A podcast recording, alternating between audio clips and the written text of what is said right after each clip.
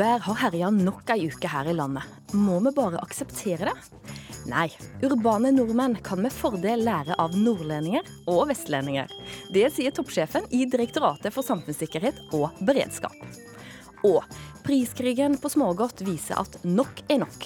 Innfør aldersgrense på kjøp av godteri, sier personlig trener fra Hollywood. Nei, vi er faktisk ikke et totalitært land, svarer helsepolitikeren. Jeg har jo alltid reist med Ruter med, med reisekort, da. og det var jo veldig greit, fordi da kunne jeg låne bort det reisekortet til søsteren min, f.eks. hvis hun skulle til byen. Dette er 19-åringen som har lagd en app som gjør det mulig å dele digitale buss-, tog- og trikkebilletter. Du har kopiert billettene våre, svarte kollektivselskapet Ruter og anmeldte han til politiet. Velkommen skal du være til ukeslutt i NRK. Jeg heter Ann Kristin Listøl. Og vi skal starte med det som har gjort at hele landet har fått øynene opp for et mye omtalt og mye utskjelt kunstprosjekt i Kvam. Den har gammelt skrap i Tja. En møkksprider? Ja, det er, Litt gammeldags det er det vel, Kjell. Ja, Og så en visp. stor, stygg stand de har funnet stand. Ja, så har de hatt med sin trestokk som eh, ja, sikkert skal hende en kvamvær eller noe. Ja, det regner jeg Det med. minner om en galge. Så jeg, eh, nei, det kan ikke kalles kunst, da. Når du har den gammel møkksprider og en stand og noe slikt. Jeg ser ikke helt sammenhengen der. Vi hører Kvamværet her som snakker om en trestokk, deler av en gammel møkkaspreder og en stor grå stein. For dette er delene i et uferdig kunstprosjekt som har skapt et voldsomt engasjement hos folk i Kvam, og etter hvert som hele landet har fått med seg. For kunstprosjektet det falt ikke helt i smak hos innbyggerne. Noen har gått løs på kunstverket og gjort hærverk, andre har lagt fra seg ei truse med avføring på kunstverket. Og denne uka ble faktisk det uferdige kunstverket tatt ned, og ligger nå inntil videre på vent. Ole Kristian Rødland, du er lokal kjøpmann i Kvam. Du har tatt turen til Lillehammer, der du er med oss på linje. Sett oss litt inn i dette her. Hvorfor har det blitt så mye frustrasjon rundt dette kunstverket? Nei, det tror jeg skyldes at eh, vi som bor i Kvam, vi vet at vi har en rik kulturhistorie. Eh, og det er hendinger både fra ny og gammel tid eh, som, som har sett eh, dype spor i bygda. Og så vet vi det at fra prosjektbeskrivelsen eh, om dette her eh, eh, veiprosjektet, så, så står det at kunstverket skal gjenspeile tettstedets historie, egenart, landskap, lokalitet, kultur og utviklingsmuligheter. Eh, og når, da, eh, når folk da leser dette her, og samtidig eh, kommer med eh, de uttalelsene som du hørte i stad, så, så blir det skikkelig bustete i Kvam, altså. Ja, hvorfor føler ikke folk seg gjenkjent i dette? Nei, det sier seg vel sjøl. Ei bygd som eh, i 2011 gikk gjennom en eh, stor flom, der eh, mista mye hus. Eh, den ble oppbygd i, i, i 2013. og Og da kom det en ny flom? og da kom det en ny flom og tok enda flere hus, og, og mange til i sommer. Eh, samtidig så, så eh, har ny E6 betydd helt omlegging og helt nytt mønster i Kvam sentrum. Eh, så, så det er vel et uttrykk for eh, eh, en litt frustrasjon. I tillegg så går media ut og sier at dette her koster 400 000. Eh, og da blir det bråk. Og da blir det støy, og da blir kanskje eh, dessverre eh, på mangel av informasjon om eh, prosjektet. Eh, da blir det mye tull. Vi skal slippe til Eivind Slette med oss, som er, også med oss fra Lillehammer, som er kurator i Veiskilleprosjektet, som da er et kunstprosjekt i fem kommuner i Gudbrandsdalen. Og Slette med oss, hva Tanken her var jo å skape involvering og få fram uh, fine ting her. Hva, hva er det som har gått galt? Uh, nei, altså Først så vil jeg bare si at uh, uh, det er ulike temaer for hvert av tettstedene. Når vi begynte å tematisere hva som kunne være spennende for et kunstprosjekt på Kvam, så var det nettopp det at eh, det er så mange dramatiske hendelser som har eh, preget et eh, lite sted. Da kan man jo trekke alt fra massakren på, på skotske leiesoldater i 1612, eh, slaget i Kringen, til utraderingen av sentrum i, under annen verdenskrig. Første, en av de første trefningene i, mellom allierte og tyske styrker. Og hva har da den stein, altså møkkaspreder og stein og den stokken da, på hva slags måte symboliserer det? Nei, altså Det som, det som er eh, spesielt da, med Kvam, er jo dette her at de, de er også kjent, eh, i hvert fall i, i en ganske bred eh, bredt omfang i Gudbrandsdalen for å ha evnen til å snu det negative til noe positivt. Og, og koblet også med en evne til å, å å, skape god fortellerkunst ut av det. Og Det er akkurat det som er en av grunnene til at eh, fellesskapsprosjektet for dette byen er involvert. Ja, som, Men hva slipper til Rudland, da? Her hører du hva som var tanken, nettopp at dere er så gode til å snu ting. Ja, og, eh, og, det tror jeg. Kvamvern har, er god på raske replikker og sjølironi. Humor, og det, og det er sterk patriotisme i Kvam. Men da eh, tror vi kanskje dette her har vært litt annerledes hvis vi på forhånd har vært involvert i tankegangen bak eh, kunstverket. På hva slags måte ble dere ikke involvert, da? Nei, det var vel ingen i Kvam som visste eh, hva som skjedde. Eh, når plutselig så store en, eh, en jobba med en kunstinstallasjon midt i Kvam sentrum, og så var folk innom og så på det, og folk lurte på hva det var. Men, men utover det så, så, så fant vi fram prosjektbeskrivelsen. Som vi da refererte til i stad.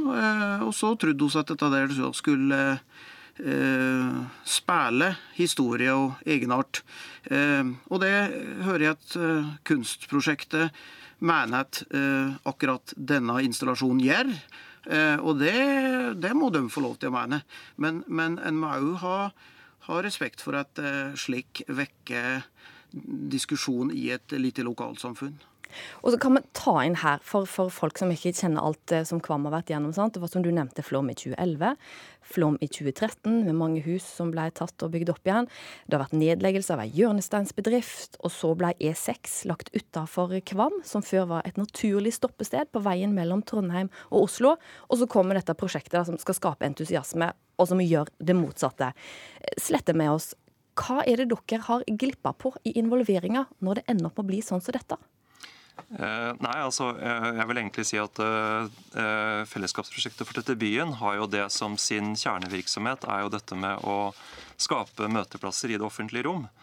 Og, og aktivisere steder som fremstår som tilsynelatende tomme og ikke så veldig vellykka når det gjelder hva, hva, hva dette rommet kan benyttes til. i Muligheter til å uttrykke seg og, og gjennom kunst.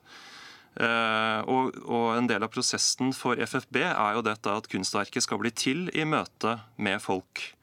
Uh, og, og, denne uh, Nå har det jo vært flere befaringer, flere runder hvor de har vært på Kvam og snakket med folk. Kanskje kanskje mer anonymt eh, og, og enn det som skjedde på den eh, åpningen, som, eh, hvor de da på en måte startet arbeidet med kunstverket. Og, og hvor jeg har i hvert fall fått tilbakemeldinger på at det var mange spennende, gode og entusiastiske møter med folk. Og da skal vi faktisk ta turen til Tromsø, for der har vi med oss en av kunstnerne som har lagd dette, som da er Håvard Arnhoff. Du er en av arkitektene i kunstkollektivet Fellesskapsprosjektet og Fortette byen, som står da forkortelsen FFB. Du har skapt engasjement, sinne og frustrasjon med kunstverket. Hva var det du ønska å skape? Hei. Um... Hei! Eh, nei, eh, vi jobber med det offentlige rom. Og vi tok utgangspunkt i et byrom i Slettakrysset. Helt sentralt langs gamle E6, der hvor også den gamle veien over jernbanen gikk eh, ned på tvers av E6 før. Og der var det et, et veldig En opparbeida offentlig plass. En av de få eh, offentlige plassene i Kvam. Som lå halvveis brakk med en, et fontenefundament. Eh, så vi kom til Kvam for å lage en fontene. Hva, hva, må- tenker, du om, må- hva tenker du om reaksjonene? Uh, nei, altså jeg, når Vi jobber jo i det offentlige rom. Det er på en måte vårt, eh, vårt lerret da, som kunstnere, hvis man skal si noe sånt nå. Er vi litt med i, denne, altså i kunsten nå? For du har lagd kunst som skaper enorm debatt. Vi sitter her og debatterer det. Er vi en del av et stort kunstprosjekt nå? Ja. Eh, altså eh, Vi ble invitert til Kvam for å gjøre et kunstverk. Derav kunst. Men eh, det er ikke så innmari stor forskjell på eh, diskusjonen omkring det offentlige rom og diskusjonen omkring en offentlig skulptur, da. Eller en offentlig eh, Et offentlig kunstverk. Men eh, man kan altså strippe det helt ned. Og, og så er det en fontene som vi jobber med. Ja, sånn, For det skal bli ei fontene, for det er jo ikke helt ferdig. Men, men sånn som det har vært, sånn som det er nå, altså, blir du lei deg? Nei. Hvorfor ikke? Um, for det første så jeg veldig, har jeg vært veldig distansert til det hele. Altså, rent fysisk sett så har jeg ikke vært på Kvam siden jeg forlot uh, åstedet, eller bygda, og kjørte nordover uh, videre oppover Gudbrandsdalen. uh, onsdag i slutten av september. Dessverre jeg savner Kvam. Jeg har mange gode venner der. Jeg har fått veldig masse fine venner. Jeg liker landskapet og det rommet, og spesielt den lille tomta som ligger sentralt der i, i Slettakrysset. Og, det, er det, det er det vi jobber med, og, og som jeg gleder meg å komme tilbake og, og fortsette Ja, med. sant, For du har litt lyst tilbake og fullføre. Og da skal vi slippe til Ole Kristian Rudland igjen. fordi at du er jo blant en av de som har vært kritiske til dette her, sant? Og representerer folket på Kvam, eller i Kvam. Men du er jo òg kjøpmann der. Og du er faktisk en del av en liten gjeng nå som vurderer å kjøpe kunsten for at den skal bli ferdigstilt. Hvorfor det? Ja, altså jeg har ikke så mye imot kunsten, men, men jeg har mest imot eh, det, som, eh, det som har skjedd rundt det. Eh, kunst det har jeg lite peiling på. Men du vil Eh, kjøpe det? Ja, eller overta det, for jeg vet ikke om det er til salgs. eh, Men det er også sagt at eh, hun skal overta det. Og det, det, det er på bakgrunn av tre grunner. For det første så er Norges desidert mest omtalte kunstverk. Eh, Og det fortjener en bedre skjebne enn å ligge og støve ned på i kommunelager. Så er det en opplagt verdi i kunstverket. Eh, Og det gjør jo det at halve Norge nå sitter og debatterer og det foregår en voldsom debatt på sosiale medier. Eh, og så vil vi da at den andre halvparten òg skal få muligheter til å se det. Og så Den tredje tingen er jo kanskje den respekten overfor kunstneren, slik at en får mulighet å, å ferdigstille sitt uh, verk. da. Uh, og I den forbindelse er det en gjeng som har gått i hop, og så stiller den gruppa opp med, med lokaler som en kan jobbe til, redskaper, maskiner og det en trenger for å ferdigstille sitt eh, kunstverk eller installasjon eller, eller hva det er. Slik at vi kan iallfall eh, få igjen noe for det. Da kan vi jo høre da med Eivind Slette med oss. Kan, eh, kan de få lov til å kjøpe det, så det blir ferdig?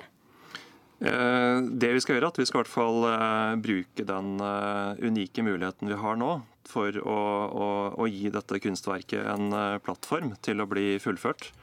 Og, eh, og jeg tror alle, både innbyggere på Kvam og i Norge nå, og ikke minst kunstnerne, eh, skal få muligheten til å, til å se hva dette verket egentlig handler om. Eh, Det har jo vært en eh, Det er jo ikke til å stikke under en stol at eh, en driver for debatten har jo vært denne at det har vært på en måte presentert i media en historie om en konflikt mellom lokalmiljø og kunstnere. Og, og på en måte også Men det stemmer vel, da? Tror. Nei, altså det er på en måte Det, det har jo vært en, en Det har vært drevet eh, utover eh, hva noen kunne forestilt seg. Men da får vi se eh, om si noe? Ja, du, Håvard Arnoff, kunstneren fra Tromsø, du skal få si noe helt til sist. Jo, eh, altså vi jobber med en lang serie som vi har holdt på med i mange år, som heter Uenighetsrommet. Som denne skulpturen inngår i. Eh, eh, det handler om, om temporær arkitektur og kunst i det offentlige rom. Installasjoner og intervensjoner.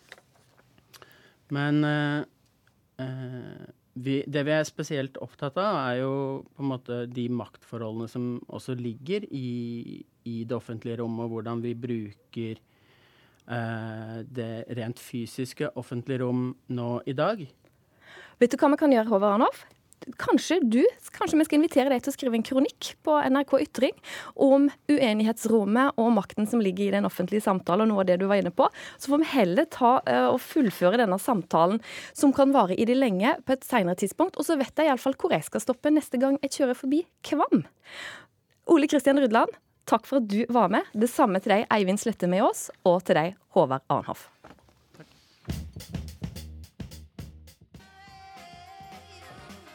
Dette er Amy Winehouse, som dessverre ikke lever lenger. Og Mark Ronson med sangen 'Valerie', og du hører på Ukeslutt i NRK P1 og P2.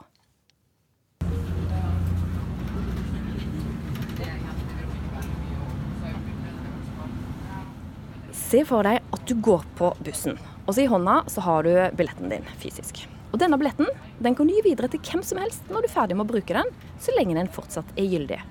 Men hvis du så får billetten på mobilen, kan du da dele den? Ja, sier 19-åringen som utvikla sin helt egen app der dette blir mulig. Ulovlig, svarer kollektivselskapet Ruter, som politianmeldte mannen.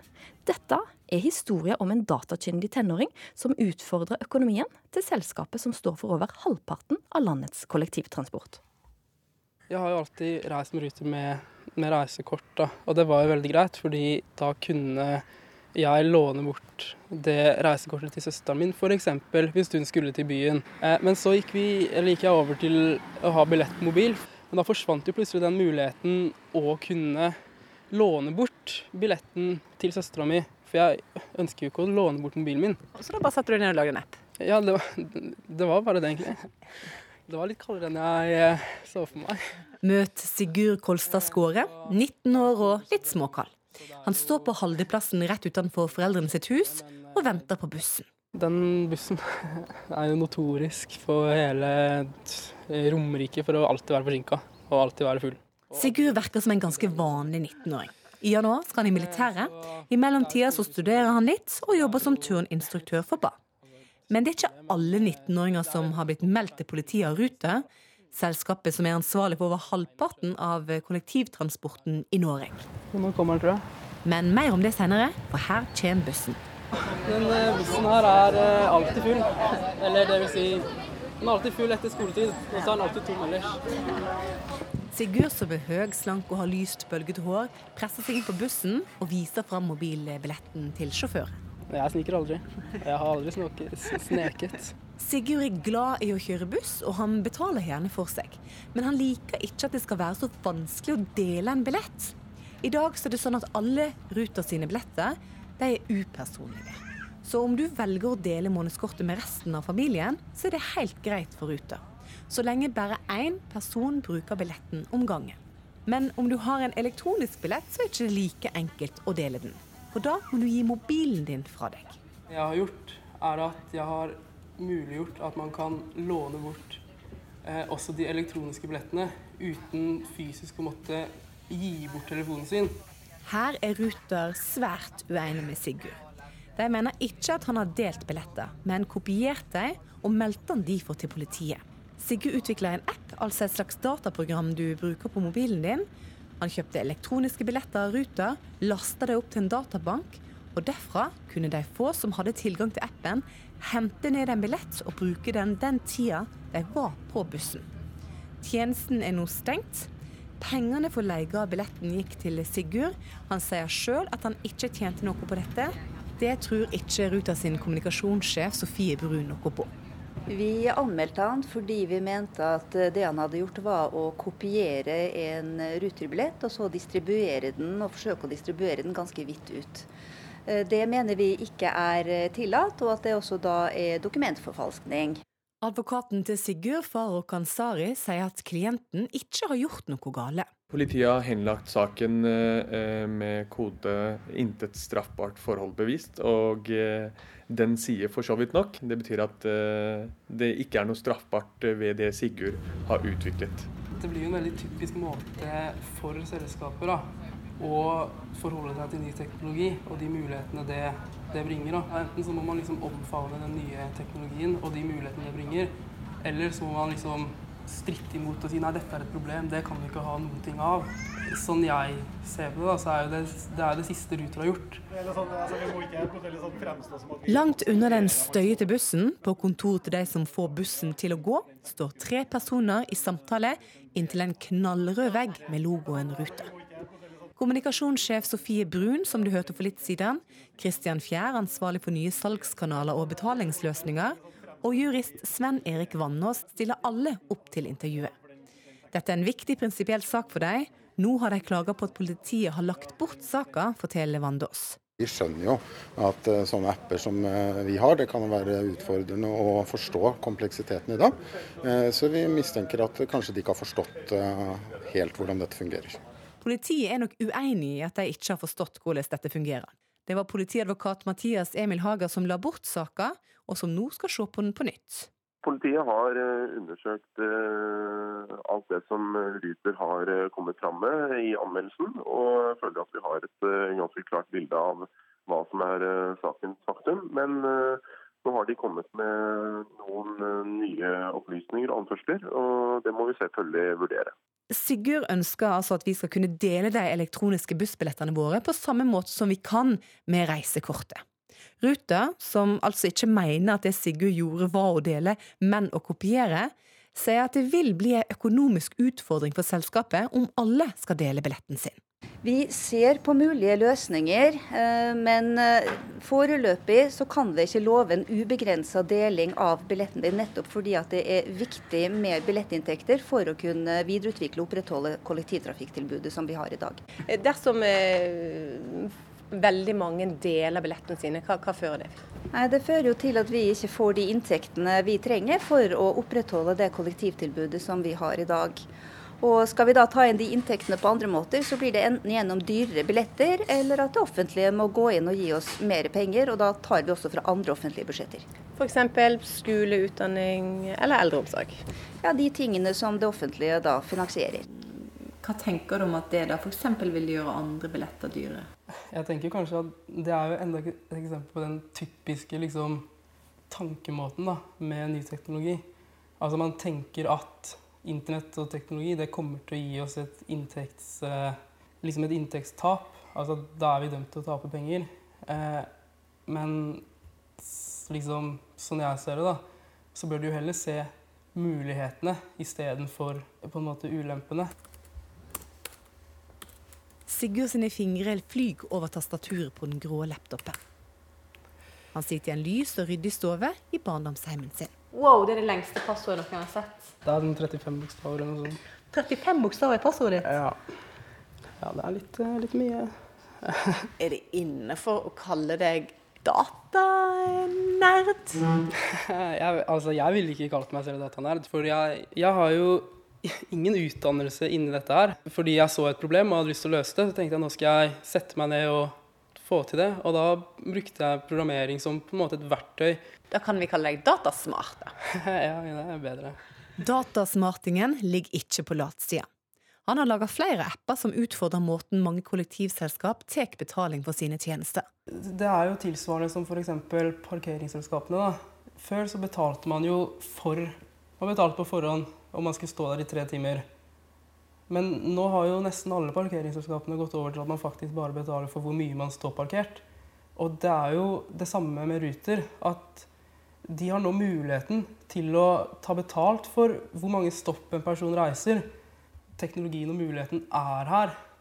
Det er så mye mer muligheter som ikke hadde vært mulig for liksom 10-15 år siden. Nå er det altså slik at ingen veit enda hvordan denne saka ender. Ruter har ikke tenkt å gi seg, og hvem veit? Kanskje får Sigurd møte i retten i stedet for i militæret i januar. Uansett, Sigurd er kampklar. Jeg kommer ikke til å gi meg på noe sted der, nei. Det kommer til å gå helt til Høyesterett. Reporter her Sara Victoria Rygg. Mer om denne saken kan du se i Lørdagsrevyen senere i kveld. Og du kan òg lese mer om den på nrk.no. Dette er Bautastein.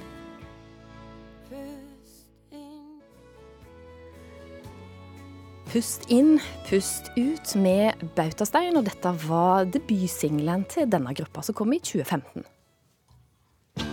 Selger mye godteri, og da må vi fylle på igjen òg.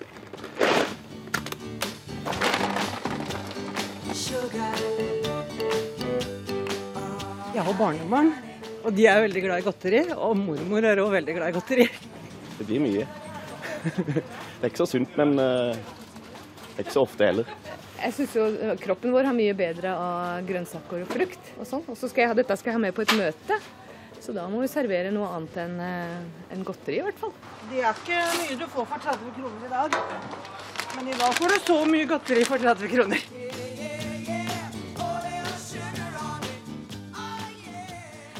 Er du en av de som har sikra deg billig smågodt denne uka? Eller kanskje er du en av de som troppa opp på Coop Mega for ei uke siden for å kjøpe snop til 30 kroner kiloen, og så ble du skikkelig lang i maska da du oppdaga de var utsolgt. Priskrigen på smågodt har igjen ført til overskrifter og skapt debatt om hva som skal til for at vi spiser mindre sukker.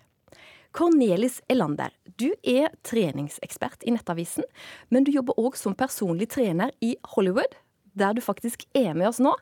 Og du har fått med deg at den norske priskrigen på smågodt, den, eh, den går godt. Og så rister du på huet av oss og mener at vi like godt trenger aldersgrense på smågodt. Hvorfor? Vel, altså vi har et stort problem uh, i dag. Og dette vil bare utvikle seg videre til uh, ekstreme problemer for nasjonen i, uh, i framtiden. Og jeg mener at noe må gjøres. Og da særlig når det gjelder rettet mot de yngste, så mener jeg det at å få aldersgrense på smågodt vil være et smart grep. Hva, hvor bør aldersgrensa gå, da? Det bør i hvert fall være at man er du kan si tenåring, altså 14-16 år. Men jeg bør være et minimum. Sveinung Stensland, du er stortingsrepresentant for Høyre og sitter i helse- og omsorgskomiteen. I den grad Cornelis Elander er med oss fra filmbyen Hollywood, så er du med oss, som du sjøl påpeker, fra filmbyen Haugesund. Men der stopper jo òg likheten. Eh, fordi at du sier tvert nei til aldersgrense på å kjøpe smågodt. Hvorfor det? Jeg mener jo det er nærmest et totalitært virkemiddel. og Én ting er jo alders, hvor skal grensa settes. Det blir jo i realiteten et forbud mot salg av godteri til, til de yngste. Og så får du masse diskusjoner rundt avgrensninger. Blir rosiner med sjokoladetrekk, blir det forbud mot det? Og alle de tingene der. Hva er da med kjeks? Hva er da med peanøtter og potetgull? Så, så, et sånn type forbud kan sikkert være et greit virkemiddel for de som lever i, i, inne i bobla, men i det praktiske liv så er det faktisk ikke mulig. Og i tillegg Men hvis det virker, da? Gitt at det virker, da? Det kan godt være at det virker, men vi kan ikke ha et samfunn der vi skal bruke forbud uh, i, i, et, i enhver sammenheng. Eh, da, det, I tillegg så vil jeg bare si at et samfunn der staten skal ta oppdragansvar for, for alle, det er ikke et godt samfunn. Og her er det faktisk foreldrene som har det største ansvaret for kostholdet til sine barn. Elander, ja, du hører et forslag for de som er inne i bobla. Foreldrene må ta ansvaret. Ja, altså jeg må jo le litt når det gjelder dette med totalitært uh, samfunn. Altså Vi har jo da de strengeste lovene i Norge når det gjelder tobakk, alkohol osv. Uh, selv voksne mennesker kan jo f.eks. ikke kjøpe hvor mye alkohol de vil. Annet også på utestedene så måles det helt nøyaktig hvor mye alkohol du får servert osv. Uh, men når vi da ser da at smågodt og den usunne maten det er faktisk den største trusselen mot uh, folkehelsa i dag. Det har FHI gått ut og sagt selv. Altså Folkehelseinstituttet. Stemmer. Og da mener jeg at vi må absolutt gjøre noe. Og da særlig når vi tenker på dette med denne smågodtdumpingen.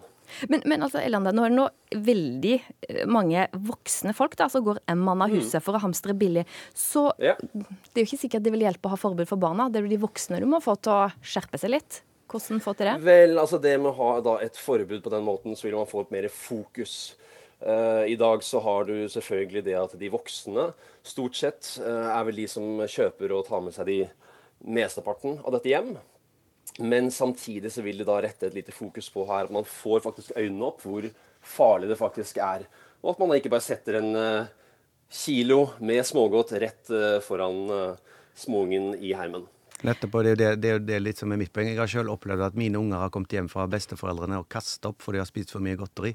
Hva sa du da? Hva sa du da? Jeg, jeg ringte til, selvfølgelig til de besteforeldrene det gjaldt, og ga noen klare beskjeder. Og dette vet jeg er en konflikt i mange familier. Så dette, er, dette må løses mellom at de voksne tar smartere valg for sine barn. Og, og vi hørte jo òg i, i det innslaget før denne runden vi har nå, at det var voksne folk som kjøpte fordi at eh, ungene deres var så glad i godteri. Og når jeg var unge, så kjøpte vi jo lørdagsgodt da òg, men da pekte vi jo fra eh, hun dama i kiosken én bit av det og én bit av det, mens nå har vi fått en kultur der en fyller disse svære posene. Og personlig så har jeg ingenting imot jeg at folk får tak i ting billigere, men det er det evige, evige jaget mot uh, priskrig på godteri som vi vet gjør at folk uh, kjøper mye mer enn de kanskje ellers ville ha gjort. Men og der må jeg også da Ja, få skyte litt inn, når, når du først da nevner det med, med pris og paradokset da med at man eh, faktisk eh, har eh, samme pris på godteri som ikke har sukker. Så der må vi også tenke på hva vi kan gjøre for å få løsning. Ja, hva, hva bør Stensland gjøre der, syns du? Eller Nei, altså, Det har jo snakket om det med å altså, senke, eh, senke prisen på sunn mat, altså øke sukkeravgiften. I dag så er vel eh, den særavgiften på sukker er vel rundt 20 kroner per kilo. Eh, mine øyne så bør den opp, men i hvert fall så bør da prisen på det som faktisk er sunt, og f.eks. også da godteprodukter i gåsehudene som ikke inneholder sukker, bør da komme bedre ut. Og nå så her skal Sveinung Stensland få svare, men jeg skal eh, putte inn litt fakta først. fordi at Sveinung Stensland sa at du Høyre er ikke tilhenger av å øke sukkeravgifta. Men det som jeg har gjort, jeg har ringt til Folkehelseinstituttet og snakka med områdedirektør Knut Inge Klepp. Og så spurte han du, hvem spiser mest sukker. Og han sier barn av foreldre med høy utdanning, de spiser minst sukker. Barn av foreldre med lavere utdanning spiser mest sukker. Og så sier han at det fins et par ting som kan fungere her. Det ene er å innføre varm skolelunsj, for da får du sunnere mat. Et annet ting som kan fungere, er prispolitikk på matvarer. Altså at du f.eks. reduserer matmomsen på sunne varer, og så har du høyere moms på usunne varer. Eller justerer prisen på andre måter. Og hvis vi da tar utgangspunkt i matmomsen, da. Stensland, hva med å øke momsen på det usunne, og senke den på det som er sunt? Det har jo vært en en langvarig debatt. Da burde han eh, Klepp, som du nevnte, lest forskningen fra Universitetet i Oklahoma og Grenoble, som viser at hvis en øker skatten på usunn mat eh, og sukkerholdig og fettholdig mat mer, og senker prisen på det dyreste, så er det faktisk, er det faktisk de med minst penger. De bruker mer penger på den usunne maten. De endrer ikke kostholdet. Det som, det som virker, viser den forskningen, er faktisk godt holdningsskapende arbeid. Og det viser jo denne uka her. Vi hadde en ganske heftig debatt tidligere i uka om priskrigen som Coop dro i gang. Eh, og nå har Coop gått ut og sagt at de skal aldri mer starte en priskrig på godteri. De sier iallfall at de aldri mer skal starte det først. ja, ikke sant. Og så har vi òg den diskusjonen, dette med at eh, snille besteforeldre eh, er kanskje ikke så snille når det er å pøse sukker inn i kostholdet til barnebarna de holder på med. Men jeg mener uansett at dette må være et ansvar som den enkelte må ta. Stortinget og myndighetene kan faktisk ikke representere viljen for det norske folk. Folk må sjøl ta sunne valg. Og da tror jeg det er litt for lettvint å hele tida peke på økte avgifter. Samtidig så er det sånn at Norge har faktisk blant de høyeste avgiftene i verden, både på sukker og på sukkervarer. Eh, og- vi ser jo at likevel så spises det, spises det godteri. Samtidig så ser vi at Norge har en nedgang i sukkerinntaket i ganske store, viktige matvaregrupper. F.eks. innenfor meieriprodukter og innenfor brus så har en jo lykkes å få ned sukkerinntaket. Sant? Så det er mange ting man kan gjøre her. Men, men siden Cornelis Elander faktisk har stått opp midt på natta Klokka er, det, er vel, det er ikke så sunt å stå opp midt på natta, men du har gjort det for å være med oss fra, fra Hollywood. Alt for NRK. Alt for sunt kosthold. Til slutt, da, Ja. hvis du skal komme Du skal få gi oss nordmenn et råd, sett fra LA-briller. Hva vil du si til oss? Altså, Vi ser jo helt klart at denne, denne prisdumpingen har effekt. Eh, vi så jo da Coop Mega solgte vel 100 000 kilo smågodt på én eh, dag. Så det at man eh, senker prisene, det gjør faktisk at også flere kjøper. Sånn, Og så dropp og senke senk prisene. Ja, men til slutt så må jeg også da si at igjen, du må få ned prisen og gjøre det mer tilgjengelig, den sunne maten. Og den prisdebatten får vi ta en annen gang. Cornelis Elander, takk for at du var med her, i, ikke i studio, men fra Hollywood. Og Sveinung Stensland, takk for at du var med fra Haugesund. Kaster du alltid mat som har gått ut på dato? Dropp det. Du kan trygt spise det, sier hun som aksjonerer for at matprodusenter skal endre best før-stemplinga på matvarer. Vi må tenke på matsikkerheten, svarer Orkla. De møtes til debatt om litt, så bli med videre i ukeslutt. Men nå skal det handle om noe nordmenn er veldig glad i. Bortsett fra sukker, da. Nemlig vær. Og hva med været gjør med oss. Og det vi ikke er like glad i, det er jo alt uværet som har vært. Og vi som eh, sitter og oppsummerer nyhetsuka her i Ukeslutt, vi har hatt veldig mye fokus på vær. Vi har hørt om folk som flykter fra husene sine, veier som blir ødelagt. Eh, ting som blir ødelagt, uenighet med forsikringsselskap, bekymring over om kommuner er gode nok, og nasjonale myndigheter. Det går igjen og igjen. Så, og så blir vi jo litt urolige alle. Hva, hva gjør dette været med oss? Så vi skal rett og slett finne ut hva vi sjøl kan gjøre. Så Cecilie Da, du er direktør eh, ved Direktoratet for samfunnssikkerhet og beredskap. Og du er opptatt av at folk flest kan utgjøre en forskjell her. Og du mener at urbane nordmenn kan lære av vestlendinger og nordlendinger når det gjelder å ta litt bedre vare på. På hva slags måte da? Jo, eh, jeg må først få si at jeg har jo dyp medfølelse med de som er rammet. Eh, og jeg er veldig full av beundring over hvordan systemene har håndtert dette. Men jeg mener nok det at i områder av Norge hvor man har måttet leve med hver over lang tid, så har man en annen måte både å forstå og forholde seg til værfenomenet på enn det vi som eh, bor i mer urbane strøk har trengt. da. For det er jo noe av det jeg er opptatt av, at nå må også vi forandre oss og lære oss å inngå i et partnerskap, egentlig, med været. For, for alle urbanister som sitter der og ikke skjønner bæret det du snakker om, hva, hva, er det en type nordlending som er vokst opp med veldig mye dårlig vær, kan litt bedre enn eh, noen andre? Ja, De ser an været f.eks. og endrer planer. Eh, og de, eh, hvis det er meldt storm eller eh, mye vind og dårlig vær, så flytter de på ting. De binder fast ting. De lukker igjen vinduene. De skifter kanskje planer og blir hjemme istedenfor eh, å gå ut. Eh, så det er mange sånne ting som jeg tenker at eh, kan øke vår utholdenhet og motstandskraft og gjøre at vi sammen er bedre forberedt, som vi kan lære av folk som har lang erfaring med det. Og så har vi òg invitert Dag Olav Hessen her, som er professor i biologi ved Universitetet i Oslo. Og du, du er ganske god på menneskelig atferd, du. Ja vel, jeg i hvert fall som evolusjonsbiolog har interessert meg mye for det. Hvorfor gjør vi rasjonelle ting, og ikke minst hvorfor gjør vi irrasjonelle ting. Og jeg er helt enig med det Cecilie Daae sier her. Altså det er eh, det er vesentlig mer handling og oppmerksomhet rundt dette langs kysten. Og dels er jo dette naturlig, fordi de føler dette på kroppen. sånn at For de er ikke lenger dette en eh, abstrakt mulighet. Det er en konkret ting som faktisk skjer, og som rammer liv og helse og eiendom. Men Hva tror du da, Hesten, at f.eks. En, en 65 år gammel eh, finnmarking som har vært utsatt for kanskje fisker, vært utsatt for skikkelig mye dårlig vær opp gjennom eh, livet, hva tror du den personen kan som kanskje en 20-åring fra Oslo ikke kan? Ja, Det er jo veldig mye. Altså, en, en godt voksen mann fra Finnmark eller fra kysten eller som er vant til fjellet, er på en måte vokst opp med vær og vind og for så vidt etter hvert også klima som en del av virkeligheten som man leser og tolker. Og det er en del av virkeligheten som er temmelig abstrakt for mange urbane. Og vi ser at mange av de drukningsulykkene som skjer langs kysten, er ofte folk som kommer fra utlandet også, så det er ikke bare norske urbanister, men de leier seg båt, og de skjønner ikke dette med bølger og vær og vind. Eh, så det er helt, eh, helt åpenbart en, en, forskjell der. Men eh, også når det gjelder det å oppleve det. Vi er jo sånn skrudd sammen at vi kan nok forholde oss til vær og klima teoretisk med den ene hjernehalvdelen, så å si, men for å virkelig forstå dette og, og, agere i forhold til det, så må vi ha opplevd det. Så det er liksom en, en konkret del av virkeligheten. Ja, Cecilie, da Har du sjøl kjent på kroppen at du ikke har tatt riktige valg når det gjelder vær? Ja, jeg er jo alvorlig angrepet eh, av en lidelse som heter å være væroptimist. Og jeg tror, tror, mange Det betyr at jeg må dreie fra å være grunnleggende optimist til å bli realist. Eh, så bare et par dager etter at jeg begynte som sjef for DSB, eh, da bodde jeg på hytta vår i Sandefjord. Der er det en veldig bratt bakke ned. Den blir borte når det er styrtregn. Og det var meldt styrtregn. Eh, og da gjorde jeg en feilvurdering. Eh, et, og det er en grundig vurdering, egentlig. Og jeg tenkte at jeg kjører ned den bakken, for det var dårlig vær, ikke sant? så da gidder jeg ikke å sette fra meg bilen. Eh, med det resultat at det var bare så vidt jeg kom på jobben tredje dagen som sjef for DSB. Og jeg tror det var ren vilje som gjorde at jeg kom opp. Men det er et godt eksempel, tror jeg, fordi at man tenker at det kan ikke ramme en selv, men det er akkurat det som skjer nå.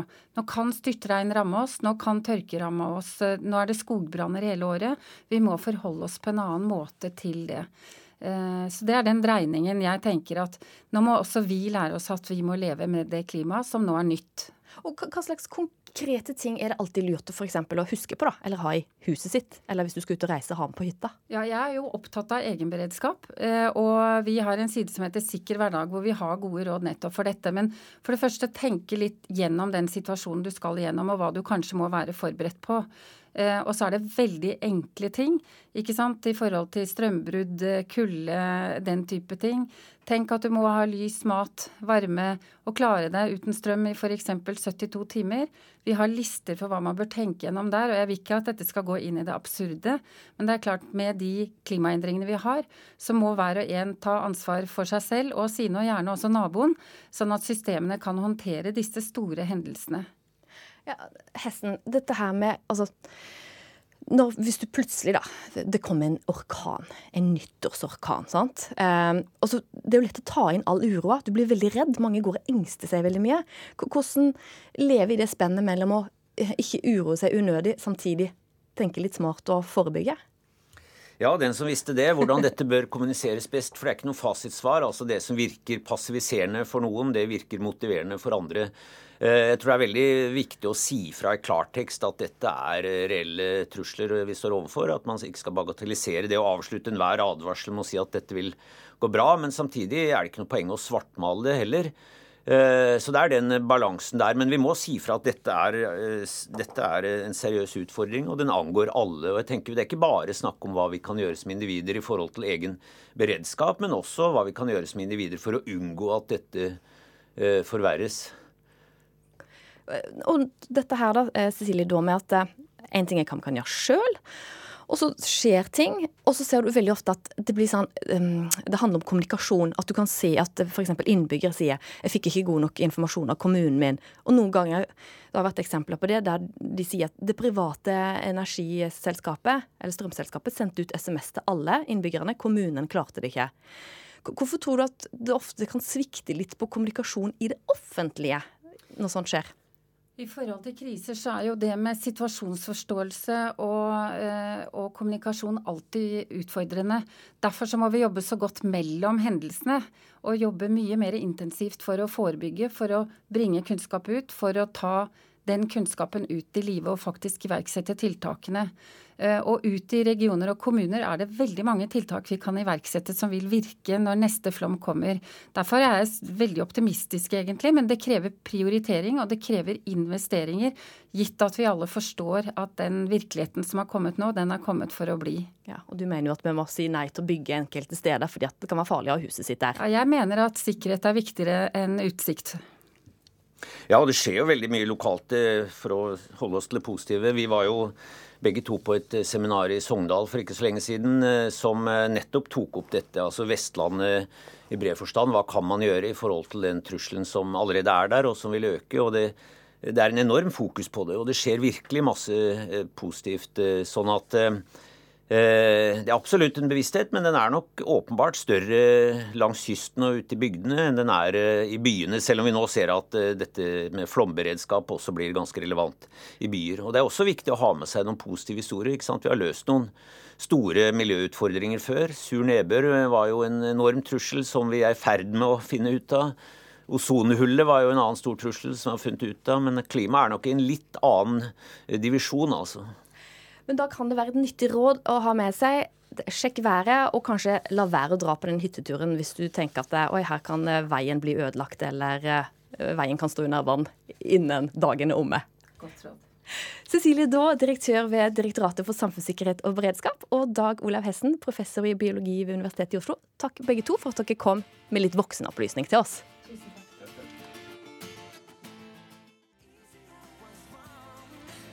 Dette er A1, Caught in the Middle.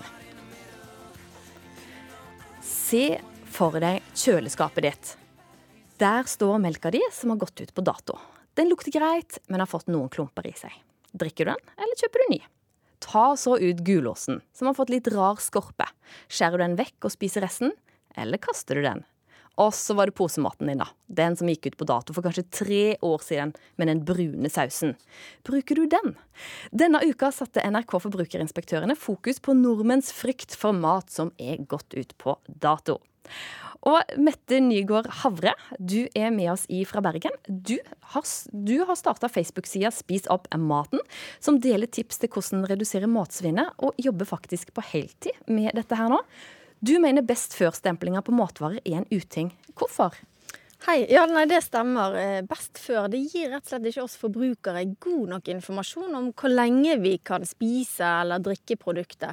Så vi har jo sett nå, jeg har jo utfordret eh, spesielt meieriene på å endre datoen at det er best før, men ikke dårlig etter. Eh, og kumeieriene gjorde jo det her allerede i april. Og vi ser det at denne lille ekstra setningen med 'ikke dårlig etter', det er noe som hjelper oss forbrukere, sånn at vi psykologisk skjønner at vi i hvert fall da skal lukte og smake på produktet hvis det har passert dato. Og her sitter jeg i Oslo, og her har jeg kommunikasjonsdirektøren i Orkla med meg. Og eh, Havre, hva, hva vil du utfordre han på? Nei, Jeg ønsker jo veldig sterkt at Orkla også skal endre datomerkingen på alle sine produkter til best før, men ikke dårlig etter. Altså det er, Jeg sjekket akkurat kjøkkenskapet mitt hjemme, og jeg ser jo at vi spiser veldig lite saus for tiden. Så jeg fant en brun saus som du snakket om i sted, som var gått ut på dato i 2012. Og så så jeg også en saus jeg hadde som var gått ut eh, på dato nå litt tidligere i 2017. Det som var litt fascinerende, var akkurat samme informasjon som sto bak på posene. Så jeg tenker nå når vi kom til 2017, vi har fått såpass mye mer opplysninger om dette her med datostempling, og at den kanskje ikke betyr så mye som før, så syns jeg det er på tide at Orkla også begynner å informere oss kundene bedre. Og det første de kan gjøre, er å skrive 'best før, men ikke dårlig etter', men at de også på sine produkter kan informere om dette med matsvinn, og at vi forbrukere må bli flinkere da gjerne til å bruke sansene våre og spise ting, selv om det har gått forbi dato. Dag Olav Stokken, hva sier du? Eh, for det første så, så syns jeg det er synd hvis vi gjør dette til en diskusjon om dette konkrete tiltaket. For, for la oss nå først være enige om at dette med matsvinn er en stor utfordring. Det er, en, det er, en utfordring. det er ikke bare det at det er ressurser som, som går tapt, men det, det er også eh, klimautfordringer knyttet til at altfor mye av maten vi lager, eh, ikke blir, blir spist. Så det, eh, dere er enige om sant? få ned ja, matsvinnet. Og så mener Havre konkret tiltak som funker, det er å skrive best før, men ikke dårlig etter. Ja. Og det, For å ta det konkrete tiltaket, så, så er det et par grunner til at vi Altså, Vi skal ikke utelukke at vi vil gjøre noe med, med datomerkingen, men, men, at vi i hvert fall i utgangspunktet stiller noen spørsmål ved det. Eh, for det første så, så syns vi at det, det bringer debatten inn på et litt feil spor. Eh, veldig lite av den totale matsvinnet fra, fra husholdningene er knyttet til, til dato, datomerkingen. Rundt 80% av det vi kaster hjemme, er knyttet til andre forhold enn en, en datomerking. Men, men, du sier at du åpner litt opp for det. Hva er det som gjør at du holder igjen? Nei, fordi dette er, dette er, stort, uh, dette er et stor, stort problem, uh, og, det et, og, det er et komplekst problem. Men det er jo bare å endre det. Det er jo bare da, jo, å endre det fra best før til men spisbar etter. Jo, men for å gå konkret inn på, inn på det forslaget.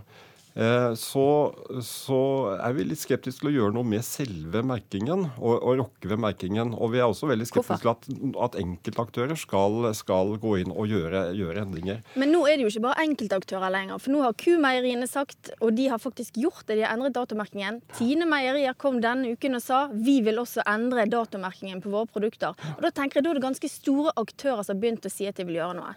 Og vi er helt enige, ja, vi har felles mål her. Det er matsvinnet som vi skal halvere levere innen 2030. Men eh, jeg ser det at eh, det er viktig og, og, huske på alle de undersøkelsene som er gjort, som forteller oss at vi forbrukere vi trenger faktisk hjelp. For vi er datoforvirret, og vi er fryktelig engstelige når maten står bare best før. Og det viser seg nå at står det best før, men ikke dårlig etter, så blir jo vi forbrukere mye tøffere. Og da tør vi å spise mer av maten enn å faktisk kaste den i bosset. Og da tenker jeg dette er så enkelt, hvorfor i alle dager kan dere ikke bare gjøre det? Jeg tar en liten, et lite tankekors, og det er at mat blir jo faktisk dårlig på et eller annet tidspunkt. Og da vil en slik merking være, være forvirrende. Eh, og hvis... Ja, for, ja, for havre, altså for havre. De, de, altså, Orkla er jo opptatt av matsikkerhet òg. Ja. Og på et tidspunkt så blir det dårlig. Så kan ikke bare forbrukerne være litt fornuftige og tenke at dette tåler vi å spise. Bruke men, sunn fornuft. Jo, altså, vi forbrukere må bli flinkere til å bruke sansene, men alt, altså, vi trenger hjelp til å faktisk bli flinkere til det. Men Sverre Leiros innførte denne datomerkingen nå i 1975, han sier det jo sjøl i dag at denne datomerkingen har tatt en helt annen retning enn det han tenkte den gangen når de innførte det. Altså, Det har bare ført til en datoskrekk. Og det er klart, og han gikk, i- har også gått ut og sagt at sånn som hermetikk, det varer jo i år etter år etter år. Så jeg mener jo, altså jeg tenker jo vi burde tatt vekk hele datomerkingen på f.eks. tørrvarer, posevarer og på hermetikk. Og så burde vi da hatt best før, men ikke dårlig etter på annen type mat. Og så Dag Olav Stokken, eh, det er jo en del lyttere som kanskje nå sitter og tenker ja, men de gidder ikke å fjerne best før, eh, eller endre det, for de tjener jo penger på at folk kjøper nytt. Hva vil du si til de som sitter og tenker det? Da, da vil jeg si at vi, vi prøver hele tiden å utfordre og lage mat som har lengst mulig eh, At vi kan sette lengst mulig holdbarhetstid. For for oss er det en stor risiko med kort holdbarhet. Det, da risikerer vi ikke å få, få, få solgt maten. Og også som matprodusent så vi, elsker vi maten vi lager. Vi er glad i mat, og vi mener at mat skal primært spises. Den skal ikke havne på søpla. Til slutt da, så skal jeg spørre dere, skal jeg få et råd av dere. Jeg har en sånn 1, 2, 3 brownie-pakke der jeg kan lage kake. Den har gått ut på dato for tre år siden. Og så tenker jeg alltid skal jeg gidde å bruke den, og så kjøper jeg heller en ny. Du, da, da må jeg fortelle. Jeg hadde en tidligere kollega som hadde en pakke brownie sånn 1, 2, 3, som var gått ut for seks år siden. Og litt skeptisk, men hun fulgte med på Facebook-siden min Spis opp maten og tenkte søren heller jeg må prøve. Hun laget brownien, og den var selvfølgelig akkurat like god. Dag Olav Stokken, skal jeg bruke den, eller kjøpe ny? Jeg ville tatt sjansen på å lage den, og så først smake på den. Men, eh, men ha backup da, hvis du skal ha gjester eh, rett etterpå. For det kan f.eks. være fett i den som, som har harsknet. Jeg er ikke så god tilbake, skjønner du. Dag Olav Stokken, kommunikasjonsdirektør i Orkla, takk for at du var med. Og Mette Nygaard Havre, som da jobber for å endre matmerkinga. Og så skal vi snakke om mer vær her i eh, ukeslutt. Vi har fått inn eh, statsmeteorolog eh, Siri Wiberg. Og hvem bør følge ekstra godt med i helga på været? Det er egentlig ganske mange, men spesielt kanskje lengst sørvest i landet, hvor det blir kraftig vind. Eh, Jeg starter med Sør-Norge. Det blir vind fra vest-nordvest, opp i liten kuling utsatte steder og stiv kuling på kysten mellom Torungen og Boknafjorden og i fjellet.